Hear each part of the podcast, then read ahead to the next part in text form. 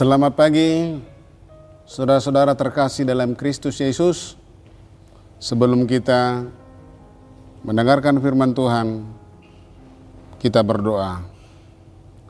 Kasih karunia bagi kamu sekalian dan damai sejahtera dari Bapa di surga, di dalam Yesus Kristus Tuhan kita. Amin. Firman Tuhan yang menyapa kita di pagi hari ini dari surat Rasul Yakobus pasal 2 ayat 17. Demikian firman Tuhan. Demikian juga halnya dengan iman. Jika iman itu tidak disertai perbuatan, maka iman itu pada hakikatnya adalah mati. Pemirsa Saroha, nas ini sudah sering kita dengar atau sudah sering kita baca. Tetapi perlu kita pertajam memahami dan mengimplementasikannya di dalam hidup sehari-hari. Iman bukanlah sekedar rumusan-rumusan teologi tentang definisi tentang iman. Iman bukanlah sekedar narasi-narasi ilmiah tentang apa iman itu. Tetapi lebih dari itu, secara singkat, iman adalah keyakinan yang fundamental akan eksistensi Allah yang Tritunggal yang menaungi, menguasai dan mengendalikan segala ciptaan termasuk yang mengendalikan segala sifat kelakuan dan perjalanan kehidupan manusia.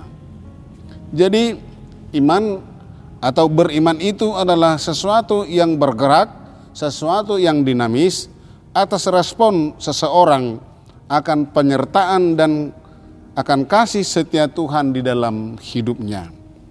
Pemirsa Saroha, Jakobus mengingatkan orang percaya, Jakobus mengingatkan kita bahwa setiap kita yang mengaku percaya kepada Allah yang Tritunggal itu uh, dan mengaku setiap orang yang mengaku kepada Allah yang Tritunggal itu dan beriman tentu harus disertai dengan perbuatan. Itu dalam tekanan dari ayat itu tadi. Tetapi perbuatan yang bagaimana?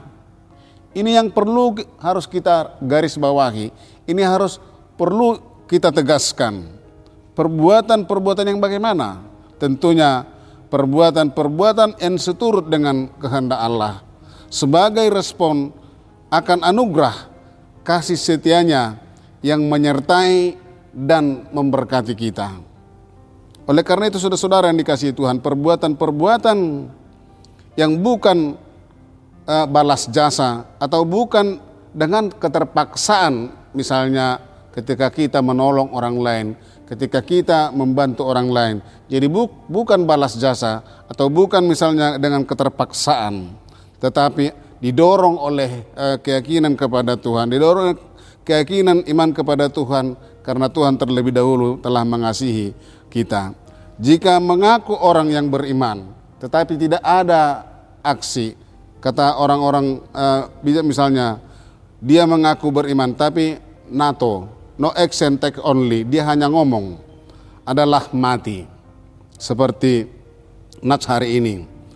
Jadi kalau dia mengaku beriman tapi tidak ada perbuatan, itu adalah hidup dalam kehampaan bahkan juga kemunafikan.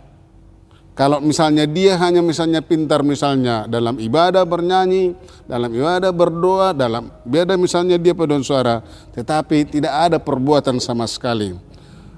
Bukankah itu adalah sesuatu kehampaan dan bukankah itu sesuatu kemunafikan? Berbuatlah dengan dorongan yang didorong oleh iman dan kasih kepada Yesus Berbuatlah dengan uh, karena kemurahan uh, Yesus yang telah memberkati hidupmu. Oleh karena itu, berbuatlah dengan penuh kasih karena Yesus senantiasa memberkati dan menyertai saudara-saudara. Amin. Tuhan Yesus memberkati.